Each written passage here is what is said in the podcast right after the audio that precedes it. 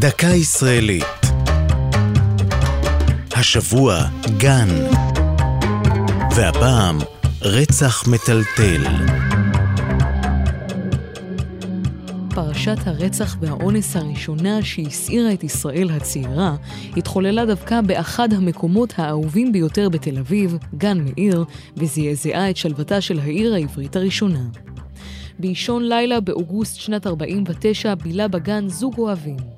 השניים היו אחים למחצה שהתוודעו זה לזו זמן קצר לפני כן. לפתע ניגש עליהם אדם בשם דוד יעקובוביץ'. יעקובוביץ' היכה את בני הזוג, הביא למות הגבר ואנס את האישה. לאחר מכן הזעיק את המשטרה.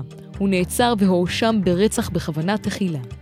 המשפט נמשך שנה תמימה כשהאולם מלא מפה לפה עיתונאים וסקרנים.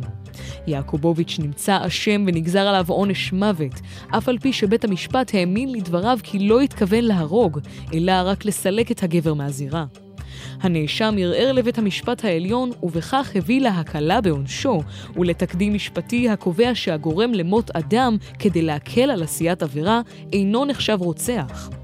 הפרשה גררה נטישה המונית של גן מאיר, במיוחד בלילות, ורק כ-30 שנה אחרי הרצח זכה הגן לתקומה כששיקם אותו ראש העיר תל אביב דאז, שלמה להט.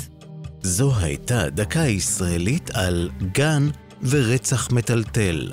כתבה יובל שילר, ייעוץ הפרופסור ארנון אדלשטיין, הגישה עמלי חביב פרגון.